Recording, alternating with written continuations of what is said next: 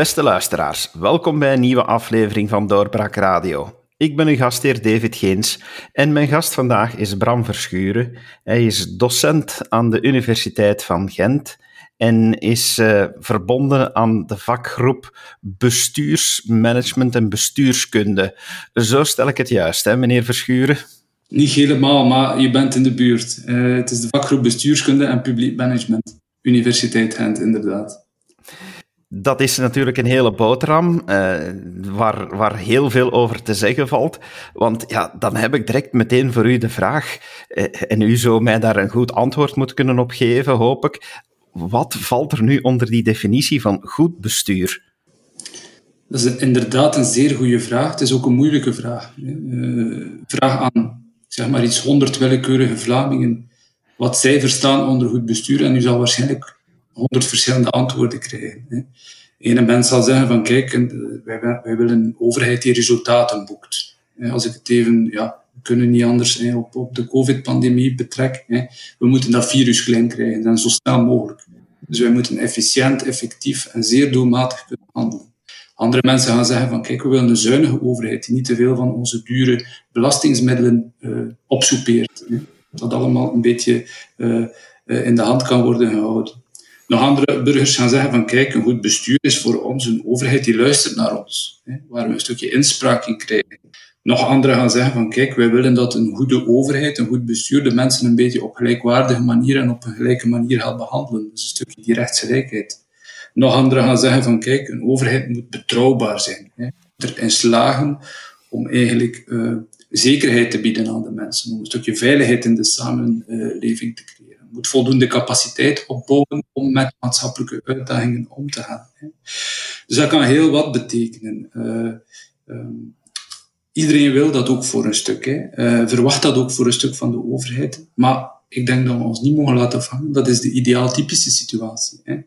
De werkelijkheid is natuurlijk veel spanning en conflict tussen al dit soort verschillende invullingen van goed bestuur. Die criteria van goed bestuur, zoals wij dat dan reflecteren eh, heel vaak. Laat mij gewoon een aantal voorbeelden geven. Een zuinige overheid, een efficiënte overheid. Hè. Als wij verwachten van de overheid moet niet te veel morsen met onze belastingmiddelen, ja, die moet natuurlijk een beetje toegaan geven op de capaciteit. Uh, uh, ik geef een voorbeeld. Uh, het was onlangs in de pers, Steven van Hucht, dacht ik, die zei van, kijk, had de overheid vijf, tien jaar geleden al veel meer geïnvesteerd in onderzoek naar die coronavirussen. Want er waren al signalen dat er ooit wel eens zo'n pandemie zou komen. Hè. Had men daarin geïnvesteerd, hadden we nu misschien pilletjes. Hè. Uh, uh, een ander voorbeeld, de mondmaskerstok. Daar is heel wat om, om te doen geweest. Op een bepaald moment, een, vijftal jaar geleden, heeft men de strategische mondmaskerstok uh, vernietigd. Op dat moment was dat wel echt geen domme keuze. Omdat vanuit dat perspectief, hè, er is geen dreiging van een, van een, van een pandemie, uh, dat men dan op dat moment dacht van ja, dat is niet meer efficiënt, dat is ook niet meer zuinig, dat wij hier al die opslagruimte, al die mondmaskers bewaren. Tot je natuurlijk op een bepaald moment die mondmaskers nodig hebt, dan heb je ze niet. Tot je op een bepaald moment ook, de dag van vandaag, heel snel een vaccin nodig hebt. Uh, en die pilletjes, die zijn er niet. Dus een conflict tussen aan de, ene kant, aan de ene kant efficiëntie, zuinigheid, maar aan de andere kant ook ervoor zorgen dat je als overheid een basiscapaciteit hebt om met gigantische problemen om te kunnen gaan. Een tweede voorbeeld misschien van conflicterende waarden. Een daadkrachtige overheid die heel snel de juiste maatregelen neemt om dat virus klein te krijgen. Met streng beleid ook vaak. Hè. Uh, een beleid dat we niet altijd even leuk uh, vinden. Die snelheid, om heel snel te handelen, om effectief te handelen, dat conflicteert met overleg en inspraak. U herinnert zich waarschijnlijk de uitspraak van minister Van den Broek een paar weken geleden, van ja, wisten op een bepaald moment niet of die niet-essentiële winkels, of dat wel een groot risico was voor overdracht. We hadden daar niet de volledig zicht over. Maar we moesten een signaal geven. Het blok moest erop. We moesten dat toch sluiten. Hè. Dus je voelt al onmiddellijk um, dat daar een conflict is tussen die daadkracht en een stukje inspraak, democratie, rechten ook van mensen, die vrijheid van mensen. Uh, en dan een, laatste voorbeeld misschien. Hè. Uh, die zekerheid en die capaciteit die mensen nu nodig hebben, dat zien we ook heel sterk nu. Hè. Gigantische miljarden uh, die geïnvesteerd worden in steunpremies, tijdelijke werkloosheid, extra premies, loonsverhogingen voor het zorgpersoneel. Overigens terecht, denk ik. Hè. Dat is een gigantische investering in zekerheid, in toekomstige capaciteit. Dat staat dan natuurlijk een beetje haaks op, op opnieuw die zuinigheid en die efficiëntie, want dat zal natuurlijk gevolgen hebben voor de begroting nog heel lang, hè, die investeringen die nu gemaakt worden. We zijn zo bekeken is in een democratische rechtsstaat, denk ik, de overheid en wat zij doet in het kader van dat goed bestuur, nooit 100% goed voor iedereen. Hè. Maar je moet altijd een stuk toegeven op het ene criteria als je een ander criteria uh, wil vervullen. Hè. En dat maakt het natuurlijk een beetje lastig. Ik zeg, ik zeg soms van ja, die overheid kan nooit goed doen. Omdat je altijd, als je op het ene mikt, stukje moet uh, toegeven op het andere. Maar, en, en, en daar stop ik, uh, uh, dat is een zeer westerse democratische kijk op, op overheid. Hè. Dus die drie criteria proberen te combineren. Efficiëntie en daadkracht, rechtsgelijkheid en democratie. En dan ook die capaciteit en die zekerheid dat je voor de lange termijn moet gaan opbouwen. Voor ons is dat een ideaaltype. Hè. Wij verwachten dat allemaal. Nogmaals, dat is een zeer westerse kijk. We maken soms een vergelijking met een aantal iets autocratischere regimes in Azië bijvoorbeeld. Ik denk aan Singapore, China, die zeer daadkrachtig zijn geweest. Hè. Die zeer snel het virus hebben aangepakt. Hè. Uh, maar dat, is natuurlijk, uh, dat zijn natuurlijk situaties waarin er zeer goede daadkrachtige resultaten geboekt worden. Maar dat gaat natuurlijk ten koste van democratie en vrijheid. Hè. Daar is goed bestuur totaal iets anders dan wat wij verwachten, omdat wij nu eenmaal, en gelukkig maar zou ik zeggen, in een democratische rechtsstaat leven, die natuurlijk altijd een beetje op zoek moet gaan naar dat evenwicht. Maar, nogmaals, het grote probleem is dan een stuk dat je natuurlijk als overheid altijd met kritiek te maken krijgt. Het zij kritiek omdat je niet daadkrachtig genoeg bent. Het zij, het zij kritiek omdat je niet democratisch genoeg werkt, omdat het te snel moet gaan, omdat de rechten van mensen een stukje ja, ondergraven worden misschien. Het zij omdat je niet genoeg hebt geïnvesteerd in capaciteit. Goed bestuur is dus eigenlijk een utopie die moeilijk haalbaar is, omdat er altijd evenwichten moeten zijn die ook voor ieder individu verschillend zijn. Want ik neem dan aan dat sommige mensen net meer van de staat verwachten, anderen minder. Dat dat ook heel sterk afhangt met de individuele verwachtingen, omdat we eigenlijk in, in een samenleving leven die, die heel veel belang hecht aan het individu. Dat, dat hangt daar dan nauw mee samen. Ja, uh, en dat maakt het lastig. Er is een publiek, denk ik, uh, die eigenlijk gaat voor heel dat krachtige maatregelen en die ook een stuk zegt van kijk, dan moeten wij maar een stukje toegeven op onze vrijheid. Ik las vanmorgen nog een interview met gouverneur de Kaluwe van West-Vlaanderen, die zei van eigenlijk hadden wij moeten doen zoals in China. 16 weken, gigantische lockdown, opschorten van vrijheid. Daar is een publiek voor. Er zijn mensen die zeggen van laat ons dat dan maar doen. Andere mensen gaan natuurlijk zeggen, ja maar ja, wacht eens even we kunnen toch niet, uh, niet, niet, niet zomaar al die vrijheden opgeven. We, kunnen, we moeten toch een beetje toezicht houden op wat die uitvoerende overheid, die regeringen allemaal doet. Wij vinden dat eigenlijk niet zo goed, dat alles nu uh, beslist wordt met ministeriële besluiten. Hè, dat er geen coronawet is die ook in een parlement is gestemd en gedebatteerd. Omdat we op die manier toch een stukje toezicht houden op wat die overheid dus eigenlijk allemaal verwacht van ons. Uh, daar is heel wat kritiek op gekomen. Hè. Dus het hangt eigenlijk een stukje van uw positie. Het is ook een stukje ideologisch. Hè. Uh, hoe kijk je naar een overheid? Wat verwacht je ervan? En dat maakt het inderdaad een, een stuk lastig. Die heel individuele kijk. Ik ben begonnen met te zeggen, vraag aan 100 Vlamingen wat zij goed bestuur vinden. Dan ga je 100 verschillende antwoorden. Uh, of krijgen liever. En dat maakt het inderdaad zeer, zeer lastig om, die, om een vertrouwen of een groot vertrouwen op te bouwen bij iedereen. Is er dan een tendens vast te stellen tussen uh, enerzijds de vraag naar een, een, een magere, uh, lean, mean overheidsmachine uh, versus een, een eerder vette staat die, die zich heel veel aantrekt? Of, of is dat, dat net een, een bijzonder evenwicht dat we hier in België moeten proberen te bereiken om, om zoveel mogelijk mensen tevreden te houden? Ja, de magere of de vette staat ja, de eerste vraag die ik, die, die ik mij dan stel van wat is mager en wat is vet? Ik vind dat eigenlijk een beetje een, een, valse vraag, als ik dat zo mag zeggen, omdat ze natuurlijk een stukje impliceert dat de overheid, de publieke sector, die ofwel mager ofwel vet is, volledig losstaat van de rest van de samenleving. We horen vaak het, het begrip 52% van het bruto binnenlands product, dat overheidsbeslag die door de handen van de staat passeert. In ons land is dat zo. 52% van de welvaart die wij creëren passeert door de handen van de staat. Er zijn veel mensen die zeggen dat dat is meer dan de helft. En dat is veel. We zijn denk ik, uh, wij hebben de bronzen medaille. Het is denk ik enkel Finland en Frankrijk op dit moment die een groter overheidsbeslag hebben. Dus eigenlijk hebben wij een vette staat vanuit dat perspectief bekeken. Onze overheid trekt enorm veel middelen uit de samenleving om die dan te gebruiken uh, in functie van de publieke zaken. Waarom zeg ik dat dat een vals beeld is? Omdat uh, volgens dat beeld uh, de staat en de overheid eigenlijk volledig losstaan van elkaar. Het is een dominerend beeld van een publieke sector en een private sector, laten we zeggen de overheid en het bedrijfsleven, die in competitie staan, een soort zero-sum game. Als er meer overheid is, is er minder ruimte voor de private sector en omgekeerd. Dus een beetje het beeld van, we hebben een private sector, een bedrijfsleven, ondernemerschap, en dat creëert welvaart, die bakken de taart, en die moet groot zijn, en de staat pikt daar dan een stuk van af.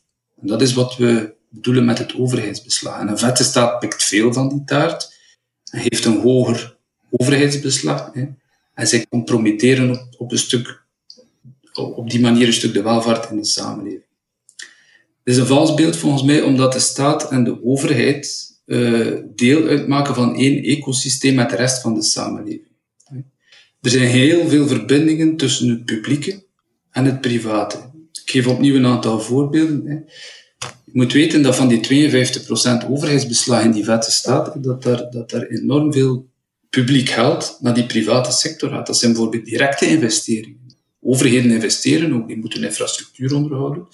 Dus de bouwindustrie krijgt veel geld van de overheid om werken uit te voeren, om infrastructuur te onderhouden. De overheid heeft ook enorm veel geïnvesteerd, publiek geld, hè, in, in, in, in, bedrijven, uh, die dus ook weer in het geval van de COVID-pandemie uh, ondersteund zijn geworden om heel snel een vaccin te gaan ontwikkelen. De Pfizers van deze wereld.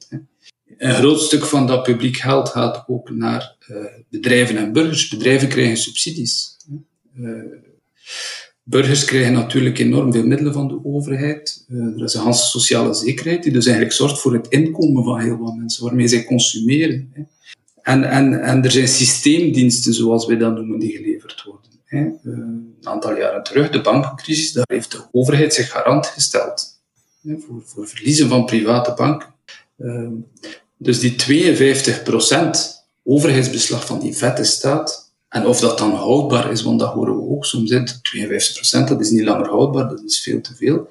dan stel ik de vraag, is, is dat meer houdbaar dan 35%?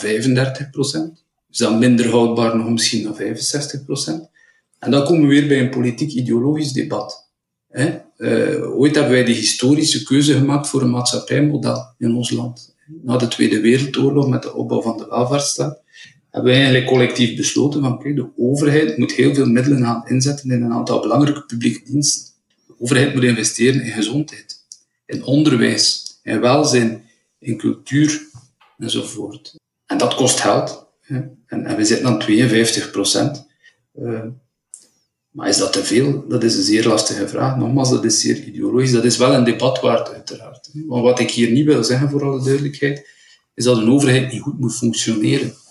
Dat dat nu 52% is of 35 of 65. Ik denk wel dat het verantwoordelijkheid is van de overheid om nog los van die omvang van dat beslag, of het nu een magere staat is of een vette staat, dat we wel de kosteneffectiviteit van wat we doen een stukje moeten in de gaten blijven houden. We moeten meer debat hebben, denk ik, over die gezondheidszorg die veel geld kost, dat onderwijs dat veel geld kost. Functioneert dat eigenlijk voldoende goed? En daar is gelukkig stilaan iets meer debat over, uh, maar volgens mij nog te weinig. En we hebben veel, veel meer nood aan een evaluatie van een beleid. En jammer genoeg hebben we daar geen traditie in. Hè. Dus ik, ik, ik durf de vraag aan, hè. waar moeten we investeren? Waar moeten we misschien nog meer gaan uitgeven als overheid? Waar moeten we gaan besparen als overheid? Hè? Waar kan het misschien wat minder? Kom je, kom je in een soort kerntakendebat. Van wat is er belangrijk? In die zin is het een beetje jammer. Hè. Uh, als wij de discussie voeren in ons land over besparen, dan is uh, de makkelijke oplossing vaak de kaasschaaf. Dan zeggen we van, kijk, elk departement, elke dienst moet x aantal procent gaan besparen. Zonder dat we daarvoor een debat hebben gevoerd over, ja maar ja, waar moeten we meer in investeren? Wat is hier belangrijk? Wat zijn onze kerntaken? Dus wij hanteren die kaasschaven, dat is politiek gezien ook heel veilig, is ook gemakkelijk. Als, als we moeten bloeden in de overheid, dan moet iedereen evenveel bloeden, als ik dat zo mag uitdrukken. Ehm, en dan zie je nu opnieuw, in het kader van de COVID-crisis, uh, waar dat kan toe leiden, zo'n debat. Maar we hebben ook via die kaasschaafmethode gezegd van kijk, ja, we moeten een stukje afknabbelen van de gezondheidszorg. We moeten een stukje afknabbelen van de welzijnssector. En dat is natuurlijk allemaal misschien niet zo problematisch op het eerste zicht wanneer dat alles goed gaat, maar dan word je met een crisis geconfronteerd. En dan zie je dat dat eigenlijk in de loop der jaren tot een soort capaciteitsuitholling opnieuw heeft geleid in een aantal sectoren, waar we nu voor betalen natuurlijk. Waar we nu enorm veel middelen plots moeten gaan investeren, zodat dat volgend jaar en de komende jaren de balans tussen wat er binnenkomt in de overheid en wat er uitgaat, eh, nog veel onevenwichtiger zal worden. Dus dat overheidsbeslag van 52% nu, dat zal de komende jaren stijgen. Dan zitten we met een nog vettere staat. Dus ja, het is een, opnieuw een zeer lastige vraag. Uh, mager of vet, wat is beter? Uh, nogmaals, ik denk dat het een valse vraag is. Ik denk dat we een debat nodig hebben. En dat wordt nu veel te weinig gevoerd. van kijk, waar moet een overheid vet in zijn? En waar moet een overheid misschien iets magerder in zijn? Maar vergis u niet, de overheid heeft al bespaard in het kader van een efficiëntiedenken. Ik geef een voorbeeldje, de, de FOD Financiën. Die is denk ik in, in, in een vijftiental jaar van 35.000 medewerkers, dus de Belastingdienst, van 35.000 medewerkers naar 20.000 medewerkers gaan. Dus die is al wat ontvet, hè? die is al wat efficiënter gemaakt. Eh, daar zijn nog voorbeelden van. Hè? Dus ja. Natuurlijk, u zegt terecht van dat dat een evenwicht is dat we moeten zoeken tussen, tussen verschillende ja, steunpunten. Eh, je noemde er drie eh, bij, bij de eerste vraag. Nu, nu ook hierin, wat, wat moet vet zijn, wat moet mager zijn. Die keuzes daarin, ik neem aan dat die toch ja, ook doorheen de tijd kunnen gaan verschillen. En we maken nu net een enorme crisis mee dat beïnvloedt dat debat toch ook. Ik denk dat als je de vraag nu zou stellen aan de burgers, dat je andere antwoorden krijgt dan wanneer je die drie jaar geleden zou stellen, of niet? Ja, want nu moeten we, nu willen we weer een grotere overheid. Ik, ik heb vroeger nog gesproken van de reus. De overheid is altijd reusachtig geweest in een land als het onze. Eh, we hebben de uitbouw gekend na de Tweede Wereldoorlog van een welvaartsstaat. Was ook voorspoed, er was algemene welvaart in de samenleving, economische bloei. De overheid kon ook heel veel middelen verzamelen en gaan investeren. Zijn we in de jaren tachtig ergens in een crisisperiode gekomen, de oliecrisis en, uh, en, en alle gevolgen daarvan.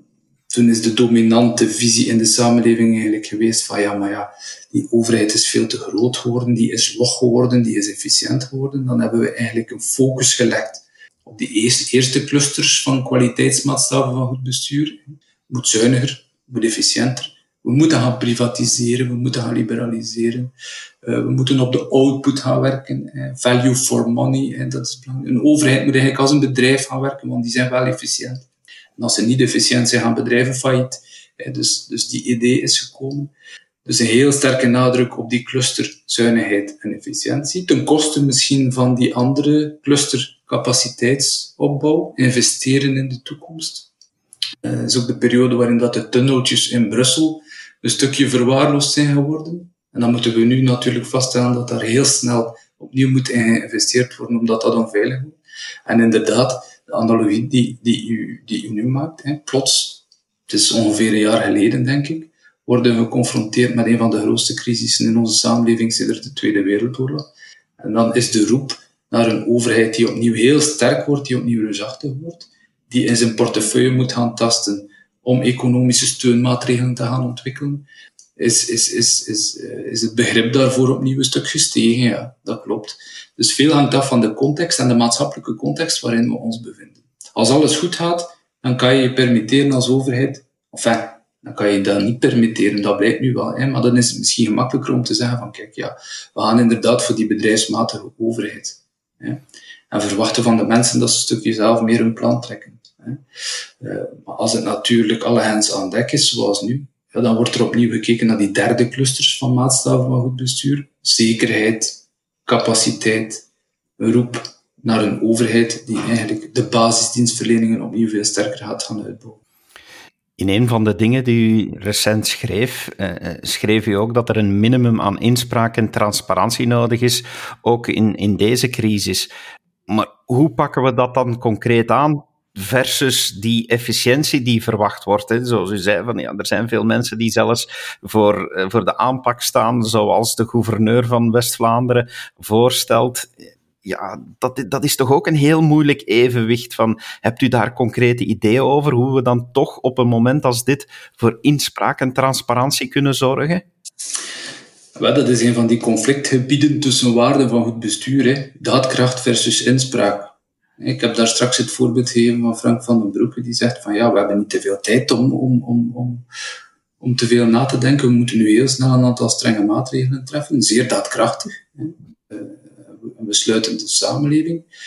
Uh, maar dat is gebeurd met weinig inspraak. Er is geen parlementaire debat aan vooraf gegaan. Nogmaals, dat gebeurt allemaal via ministeriële besluiten. Daar zit geen coronawet achter, wat men trouwens in Nederland ondertussen wel heeft. Dat zou misschien wel mogen, uh, zoveel maanden uh, later in de crisis. Dus dat is heel duidelijk uh, dat conflict. Maar ik denk opnieuw dat je daar heel hard moet mee opletten met die twee tegenover elkaar te zetten. Omdat in een democratie dat krachtige beleid, en we leven nog altijd in een democratie, hè, maar kan werken als het ook gedragen is door de burgers. Als de mensen het gevoel hebben van ja, dat is beredeneerd gebeurd, dat is transparant gebeurd, ik herinner mij een aantal maanden geleden hoeveel discussie is er niet geweest over van kijk, ja, die adviezen van die experten waarop een regering of een overlegcomité zich baseert om beslissingen te nemen, dat was toen op een bepaald moment blijkbaar heel lastig om die naast elkaar gelegd te krijgen. Toch naar de buitenwereld toe. Terwijl dat, dat toch de evidentie zelf is. Hè, dat we als burger zien van wat zijn nu die adviezen en wat schiet daar dan van over als er beleid gemaakt wordt. Hè, hoe verhouden die twee zich tot elkaar? En je kan bij wijze van spreken nog tien motivatiepsychologen in de GEMS gaan plaatsen. Hè, om zogezegd de mensen aan te sporen om toch die coronaregels op te volgen enzovoort. Maar als burgers twijfels hebben over het beleid en de manier waarop dit die tot stand komt, dan is het natuurlijk zeer moeilijk om van de burgers te verwachten dat ze allemaal 100% ten allen tijde die maatregelen gaan volgen. Want zo zijn we wel als burger. We zijn altijd kritisch geweest naar onze overheid. We verwachten goed beleid. We verwachten ook een stukje verantwoording voor dat beleid. Uh, ja, dus dat, dat evenwicht tussen daadkracht en inspraak en democratie, dat is natuurlijk weer iets waar dat zijn meer autocratische regimes minder problemen uh, mee hebben, omdat je daar natuurlijk heel hardhandig ook kunt gaan handhaven. Maar bij ons ligt dat ook opnieuw wat moeilijker. De mensen keren nu terug van de prijs en worden nu sinds gisteren gedwongen in quarantaine geplaatst en moeten twee testen afnemen. Dat is gisteren beslist op het overlegcomité. Ja, dat zal opnieuw heel wat handhaving vergen. Uh, ik denk dat het misschien nuttiger is om, als het mogelijk is, door een iets transparanter debat ook in de Hanse corona's rond de besluitvorming die dan wordt genomen door het beleid dat wordt gemaakt, dat dat ook al een stukje vertrouwen kan wekken opnieuw bij die burgers en, en misschien ook een stukje die motivatie kan opdrijven om te doen wat nodig is als burgers. Dus die stukje de uitholling van, die uit, van de inspraak van burgers. De, de, focus ook op het primaat van de politiek, dat hoor je ook vaak. Hè. Zijn verkozen voor zoveel jaar, dus het is aan ons om eigenlijk dat beleid te gaan maken en, en, en dat maatschappelijk middenveld en burgers enzovoort. Het is allemaal lastig om dat te organiseren en dat vertraagt procedures, dus wij moeten dat krachtig gaan besturen. Ja, dat botst nu ook een stuk op zijn limieten, denk ik. Uh, en dat mag ook wel eens gezegd worden. Hè. Begrijp me niet verkeerd. We moeten snel handelen nu. Er moet snel en streng beleid gevoerd worden, anders krijgen we dat virus niet klein. Maar we mogen toch niet vergeten dat dat natuurlijk in een democratische context uh, moet gebeuren. Het is dus eigenlijk des te moeilijker om te begrijpen dat nu zelfs de crisis al, al negen maanden woedt, dat er geen parlementair debat zelfs aan te pas komt aan de maatregelen. Dat zou ook dus helpen aan die transparantie. Ik vind dat een groot probleem, ja. Uh, het parlement is de grote afwezige in het coronadebat. Uh, omdat daar natuurlijk ook gedebatteerd zou kunnen worden, uh, niet over heel concrete maatregelen. Hè. Daar gaat het niet over. Maar op zijn minst zou er toch een wettelijk kader in de vorm van een soort coronawet moeten zijn, die eigenlijk een stukje het speelveld, de contouren afbakent, waarbij de uitvoerende macht, ministers, de regering, het overlegcomité, dan beslissingen kan nemen en die dan natuurlijk gaan verfijnen via ministeriële besluiten. Uh, maar daar hoor je niks van. Hè. Wij hebben dat parlementair debat rond de coronamaatregelen niet gezien. Dus laat staan dat, dat, we daar dan ook nog eens burgers gaan in betrekken of het maatschappelijk middenveld. Dat is jammer, want we hebben een rijk maatschappelijk middenveld. Hè. Uh, het is des te belangrijker, denk ik, omdat, laat ons eerlijk zijn, beleidsmakers, ministers en administraties, zij worden wel geadviseerd en bijgestaan door experten, virologen, epidemiologen enzovoort. Hè. Maar die beleidsmakers moeten toch toegeven dat zij eigenlijk ook zelf het absolute antwoord op een aantal van die problemen niet hebben. Um, en wat betreft de essentie van het probleem, het klein krijgen van dat virus, daar hebben ze natuurlijk heel goede expertise voor. Die zij ook regelmatig consulteren. Um, en dat heeft ook geleid tot het stilleggen van het maatschappelijk leven enzovoort. En we zitten er nog in. Maar er zijn ook nog andere effecten van dat coronavirus hè, en van die lockdown. Uh, meer bepaald op het welzijn van de mensen. Hè. Uh, meer bepaald kwetsbare groepen. En daar is die adviesverlening, denk ik, veel minder zichtbaar, terwijl het natuurlijk ook belangrijk is. Hè. Uh, ja, de stem van kinderen bijvoorbeeld, of van studenten. De stem van mensen in armoede. Uh, de stem van mensen in, in zorgvoorzieningen. Wij hebben een sterk maatschappelijk middenveld. Wij hebben die traditie die eigenlijk het beleid continu uitdaagt en eigenlijk aan de bel trekt van heb aandacht voor een aantal problemen of aandachtspunten waar wij mee worstelen. Uh, maar die mensen, dat maatschappelijk middenveld, hè, die die mensen vertegenwoordigt, ja, die roeren zich wel in de pers en, en, en, op sociale media, maar hun plaats aan de beleidstafel die blijft leeg op dit moment. Uh, en dan komt daar kritiek op maatregelen. Uh, want het is natuurlijk lastiger om in lockdown te zitten als je in een groot appartementsblok woont. Uh, het is natuurlijk makkelijker of moeilijker liever om thuis onderwijs te genieten als je een gezin in armoede hebt die niet over voldoende laptops en smartphones enzovoort beschikt. Ja, uh, en uiteraard komt het aan verkozen politici toe om beleid te beslissen, maar de kwaliteit van dat beleid, denk ik, hangt natuurlijk mee af van de kwaliteit van de beleidsvoorbereiding en de mate waarin eigenlijk de verschillende perspectieven een stuk worden meegenomen. Maar nogmaals, ik zeg het hier nu misschien iets te gemakkelijk. Hè. Er moet snel beslist worden en kort op de bal gespeeld worden. Maar x aantal maanden later nu, uh, in de coronacrisis, vind ik het eigenlijk een beetje jammer dat er nog altijd niet geleerd is uit dit soort zaken. En dat, we daar, dat die leercurve van een overheid over hoe beleid gemaakt wordt, dat we dat eigenlijk amper zien op dat vlak. U noemde al het middenveld u hebt al ja, heel wat ervaring, want u hebt meegewerkt aan, aan middenveld tussen aanval en verdediging. Was, was ook een heel project omtrent uh, de rol van het middenveld. Maar heel concreet, in deze crisis ook, zie je, zie je blijkbaar weinig speelruimte voor het middenveld. Uh, is dat nu tegenwoordig ook de keuze van de politiek om dat middenveld eigenlijk te negeren? Want ik kan me toch wel inbeelden dat u zegt van ja, dat middenveld heeft, heeft eigenlijk wel een belangrijke taak ook te spelen in deze crisis. Zoals ik dat straks zei, een van de belangrijke taken van het middenveld is, is eigenlijk uh, de politieke rol, de politiserende rol een stuk, waarbij belangen van bepaalde groepen in de samenleving een stukje aan de blijstafel worden gebracht. Dat is een traditie die wij hadden, en eigenlijk gelukkig ook nog een stuk hebben, maar je voelt dat niet iedereen nog altijd even gelukkig is met, met dit soort inspraak.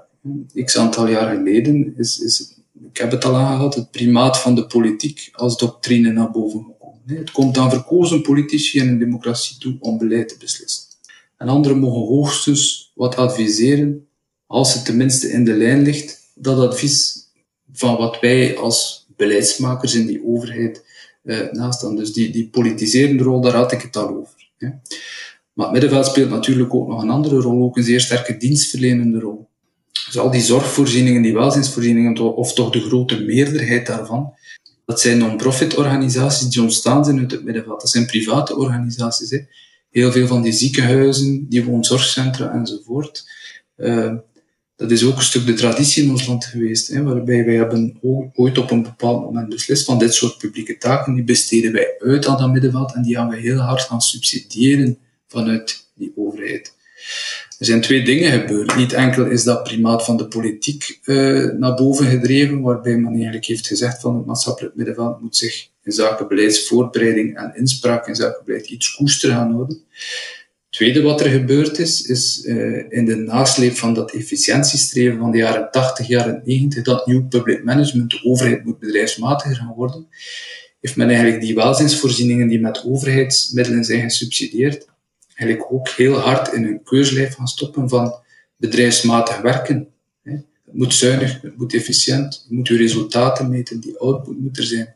Dat is ook opnieuw heel gemakkelijk gezegd, maar we mogen niet vergeten dat dat hier over relationele diensten gaat. En dat zien we nu ook opnieuw als het alle hens aan dek is in dit soort voorzieningen in ziekenhuizen. Dan moeten we misschien durven zeggen dat die capaciteit die een stuk is afgebouwd in de loop der jaren in dit soort voorzieningen, omdat het efficiënter en zuiniger moest, dat ons dit nu opnieuw een stukje ja, zuur opbreekt. Hè. Uh, en dus een bedrijfsmatige context, ook in de zorg en in welzijn, uh, waar efficiëntie en prestaties de leidmotieven zijn, dat is natuurlijk iets ja, dat nu een stukje voor problemen zorgt. Dus ja, dat middenveld speelt een heel belangrijke rol ook. En dat wil ik toch ook nog eens benadrukken. Complexe problemen. Ik denk aan klimaat, de uitdagingen daar rond ongelijkheid, maar ook weer die coronacrisis. Hè. Die complexe problemen, die overheid kan dat niet alleen aanpakken. En dat zie je ook als je een beetje scherp gaat gaan kijken. Dat is een hans arrangement van allerlei actoren uit publieke en private sfeer die dat samen aanpakken in een soort netwerken. Hè. De overheid legt maatregelen op, de politie en de justitie moeten handhaven. Uh, er is ook een samenspel met lokale besturen. Hè. Die moeten een stukje gaan controleren of dat terugkerende reizigers wel in quarantaine blijven. Dus dat is allemaal overheid, die doen heel veel. Maar je ziet toch ook hè, dat heel wat andere organisaties een grote rol spelen in de aanpak van die crisis. De contacttracing, mutualiteiten hebben daar een zeer grote rol in gespeeld. Uh, je ziet dat bedrijven heel hard werken aan vaccinsuitbouw het maatschappelijk middenveld, daar had ik het al over met die zorg- en die welzijnsvoorzieningen die nu in de frontlinie staan. Burgerinitiatieven die ontstaan. Hè. Er zijn talloze voorbeelden van allerlei informele initiatieven waarbij we in het begin van de pandemie gezien hebben dat mensen spontaan mondmaskertjes gaan naaien enzovoort om dat, om dat te verspreiden bij een tekort eraan vanuit de overheid. Burgers die zelf hun plicht vervullen, hè, eh, die vrijwillig in quarantaine gaan of in lockdown gaan. Dus dat is een hand samenspel van allerlei organisaties, actoren, die samen eigenlijk een gigantische machine vormt om dat probleem te gaan aanpakken. En dan komen we opnieuw bij het probleem van goed bestuur. Hè. We kunnen niet verwachten dat één politicus of enkele politicus of enkele politici op één niveau verantwoordelijk is voor het succes van de aanpak van die corona-epidemie. Dus opnieuw dat goed bestuur. Die politici zijn ook een stukje gebonden, eh, omdat zij ook afhankelijk zijn van wat er gebeurt in al die andere sferen rond die aanpak. En als we die complexiteit van het probleem miskennen, uh, dan miskennen we misschien ook een stukje het feit dat we dat Hansen netwerk aan actoren nodig hebben om het probleem te gaan oplossen. En dan helpt het niet dat je zegt van ja, het is een primaat van de politiek, wij verkozen politici beslissen en wij alleen. Dan helpt die instrumentalisering van dat middenveld en die organisaties erin ook niet. Dan helpt het ook niet dat er een beetje meewarig wordt gedaan over burgerinspraak en co-productie. Want de, de, nieuwe federale regering heeft een plan of heeft een idee om, om meer burgerinspraak en burgerparticipatie te ontwikkelen. Ja, wordt daar soms vanuit bepaalde hoek wel wat lacherig over gedaan. Hè. We gaan toch het parlement niet vervangen door burgerparticipatie. Hè. Wat kunnen die burgers nu gaan meepraten over problemen? Wel, ik denk dat burgers die geconfronteerd worden met heel concrete problemen, niet enkel rond corona, op allerlei vlakken, ook op armoede, ongelijkheid enzovoort, dat die zeer zeker kunnen meespreken over beleid, want dat zijn ervaringsdeskundigen. Dus het komt erop aan om dat ook goed te gaan organiseren. En burgerparticipatie moet meer zijn dan lippendienst bewijzen aan, ja, of, of moet meer zijn dan symbolisch, van kijk, we geven inspraak aan burgers, maar moet denk ik echt meer en beter ingebed worden in onze politieke cultuur. En hadden we dat al veel langer gedaan, en hadden we al veel langer, of, of, of, of toch iets minder, de rol en het belang van dat middenveld een stukje beginnen miskennen, dan gingen we nu misschien een rijkere politieke cultuur hebben, die misschien die inspraak, dat democratische gehalte van beleidsvoering, automatisch incorporeert voor een stuk. En dan hadden we dit soort discussies niet moeten voeren. Zeer interessant, meneer Verschuren. Ik denk dat we wel kunnen leren uit ons gesprek dat de definitie van goed bestuur dat dat geen vast gegeven is en dat we daar een, een breed debat moeten over hebben, samen met uh, allerlei actoren, zoals het middenveld, zoals uh, burgers, dat we tot een rijkere politiek moeten komen. Het was zeer leerrijk om dat allemaal van u te mogen vernemen. Dank u wel voor uw tijd. Graag gedaan en hartelijk dank voor de uitnodiging. En u, beste luisteraar, dank u wel dat u geluisterd hebt naar deze podcast. Blijf zeker luisteren naar wat we nog zullen brengen. En graag tot een volgende keer. Dag.